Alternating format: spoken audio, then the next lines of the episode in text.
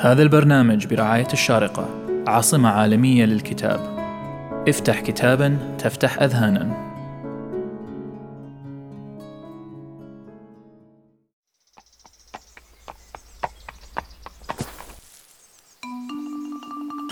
أنا سأحدثكم عن قصص جحا.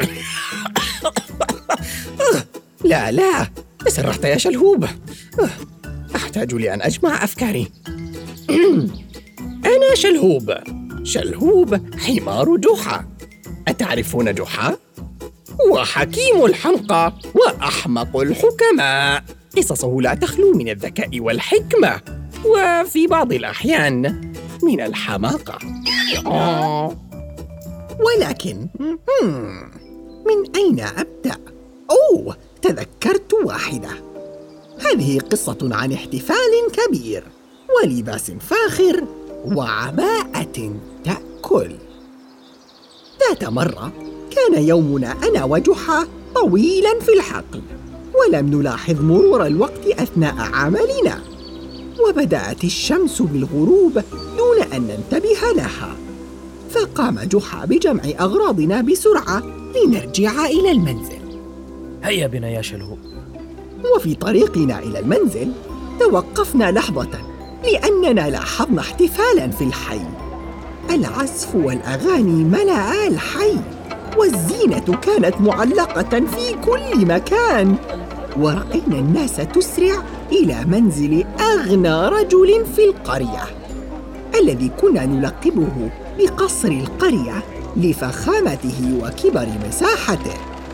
وجاء أحد الجيران إلى جحا بحماس وانفعال وقال له جحا صديقي العزيز ألن تأتي إلى مأدبة العشاء؟ فتلفت جحا من حوله والرجال تهم بالدخول إلى القصر ثم رد عليه. أتدري؟ وأنا أعمل طوال اليوم في الحقل نسيت الاحتفال تماما. كيف لي أن لاحظه سأكون هناك في الحال. أنا كنت نسيت الاحتفال خلال عملي في الحقل أيضا ولكنني في تلك اللحظة تذكرت شيئا أهم بكثير. الوليمة التي حضروها للاحتفال فأسرعنا إلى المنزل. أنا لعابي يسيل وجحا متحمس. فإنه يحب التحدث مع الناس وتبادل القصص معهم. وكان يحب الأكل تقريبا مثلي. وكان صاحب القصر يعد للمأدبة منذ أيام. ودعا جميع أهل القرية. من الفقير والغني. كان لديه خدم وحشم وأعدوا المأدبة بكل أنواع الطعام والفاكهة والحلويات. حتى نحن الحيوانات حضر لنا أفضل الشعير في المملكة. وعند وصولنا للمنزل سمعتنا زوجة جحا كريمة ونحن ندخل. فنادت على جحا من الغرفة الأخرى. عزيزي لقد تأخرت في الحقل اليوم. هيا البس سريعا واذهب كي لا نتأخر. أردت لباس ربطة عنقي المفضلة ولكنني للأسف لم أجدها. فبينما اغتسلت أنا ومشطت شعري نظر جحا بين ملابسه على عجل وارتدى ملابس قديمة لكنها نظيفة. وقال لزوجته أنا جاهز يا كريمة. آه كم تبدين جميلة في ثوبك الأحمر يا زوجتي العزيزة. هيا بنا. ستكون ليلتنا مليئة بالفرح والمرح. ضحكت زوجة جحا بخجل وهي تفتح الباب. هيا هيا. وتوجهنا كلنا معا إلى القصر وجحا يمشي مسرعا أمامنا. عندما اقتربنا من القصر سمعنا أصوات الناس من الداخل تضحك وتثرثر فكان السرور يعم كل من في المنزل. اسرعنا في الخطى. جحا لم يكن يحب أن يفوته المرح والضحك فدخل القصر وصدم من فخامته.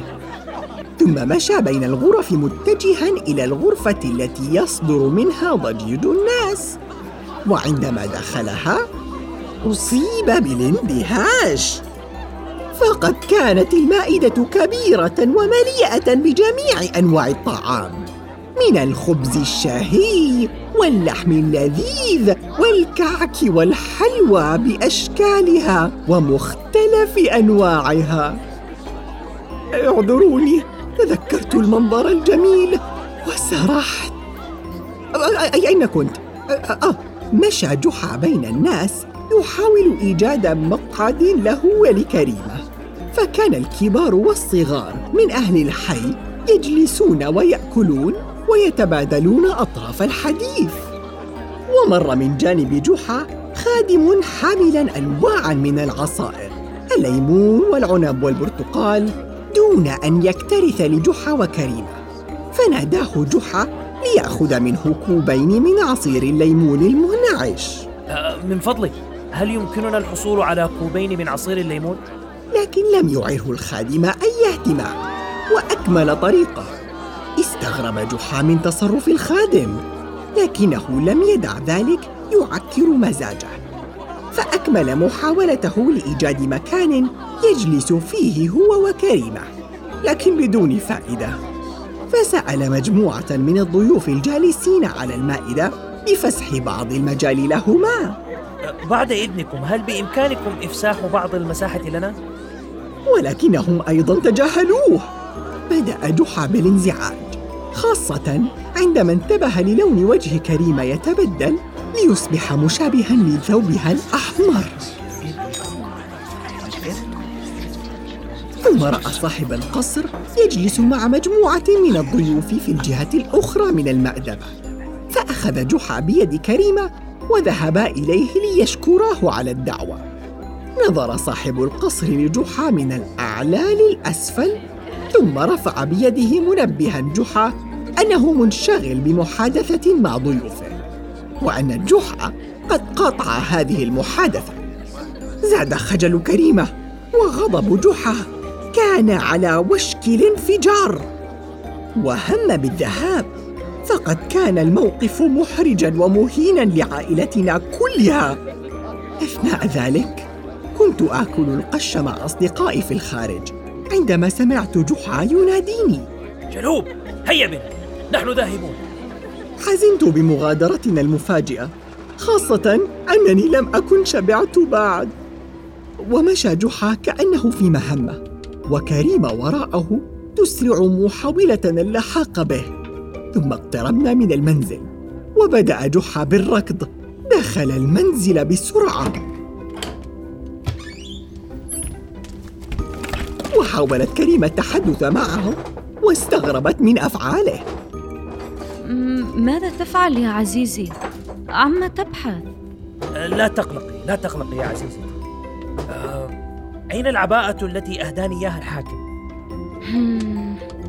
كانت كريمة تعرف زوجها خير المعرفة. لا بد أنه يخطط لشيء ما. بحثا عن العباءة حتى وجداها في قاع الخزانة. كانت العباءة طويلة ومزخرفة ومطرزة. بأجود أنواع الخيوط فلبسها جحا وخرج من المنزل متجها إلى القصر. تابعناه أنا وكريمة رغم حيرتنا. لم أعرف ما كان يخطط جحا ولكنه قد تألق فعلا بهذه العباءة. وزاد حزني لعدم إيجادي لربطة عنقي الجميلة التي كانت ستجعلني متألقا مثله. لما وصلنا إلى القصر دخل جحا وكريمة مرة أخرى بعزم وبمجرد وصولهما إلى الغرفة المزدحمة التفتت جميع الأنظار إليهما وبدأ الناس يفسحون لهما مكانا وهما يمشيان باتجاه مأدبة الطعام ببطء ورآهما صاحب القصر فقام مسرعا من مكانه مفسحا المجال لجحا وكريمة كي يجلسا. تفضل تفضل اجلس مكاني. تفضلي سيدتي هنا. واستدعى الخدم وقال لهم هيا احضروا الحساء. أين اللحم؟ أين الحلوى؟ أسرع الخدم واحضروا لجحا طبقا من الحساء الساخن. وأسرع خادم آخر لإحضار الأطباق الأخرى. وأوقف صاحب المنزل خادما آخر يحمل صينية مما طاب من العصائر. هيا ضع كوبين من عصير الرمان الطازج هنا لضيوفنا الأعزاء. وضع الخادم الكوبين على الطاولة بينما تخبط الخدم وهم يجلبون كل أنواع الطعام إلى جحا وكريمة.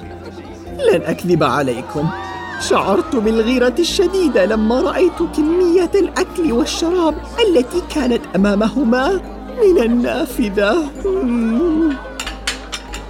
فنظر جحا إلى طبق الحساء الذي أمامه بالإضافة إلى الكم الهائل من الطعام الذي أحضره الخدم ولم يتذوق منه لقمة بل ابتسم ابتسامة عريضة ورفع كم عباءته إلى صحن الحساء وبكل هدوء بدأ يغطسها في الصحن وقال جحا مخاطبا عباءته كلي أيتها العباءة. كلي نظر صاحب القصر والمدعوون بدهشة واستغراب إلى جحا وسأل أحدهم ماذا يفعل جحا؟ هل جن؟ وقال آخر جحا هل العباءة تأكل؟ فالتفت إليهم جحا ورد عليهم ببرود نظرا إلى أن الطعام هذا أعد للعباءة وليس لي فيجب أن تأكل هي الطعام أليس كذلك؟ ابتسمت كريمة لزوجها من كل قلبها فبطريقته الخاصة كان قد دافع عنا كلنا. وشعر جميع الجالسين على المائدة بالخجل والإحراج بعد المشهد. وندم صاحب القصر من تصرفاته مع جحا فتأسف وعزم الجميع مرة أخرى إلى منزله على شرف جحا وكريمة وأنا على شرفي أنا. فقد وعدني بفطيرة تفاح كاملة خاصة بي. فتذكروا أن المرء لا يقاس بمظهره وممتلكاته بل بطبيعة شخصيته. درس تعلمه الجميع بفضل عرض جحا. وكان ذو الحكمة يمشي بفخر خلال عودتنا إلى المنزل. إلى أن علم بالدرس الذي ستلقنه كريمة له. عليه أن ينظف عباءته بنفسه.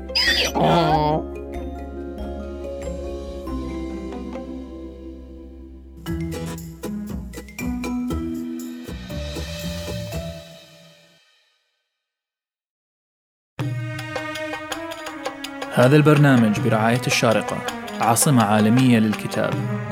افتح كتابا تفتح أذهانا.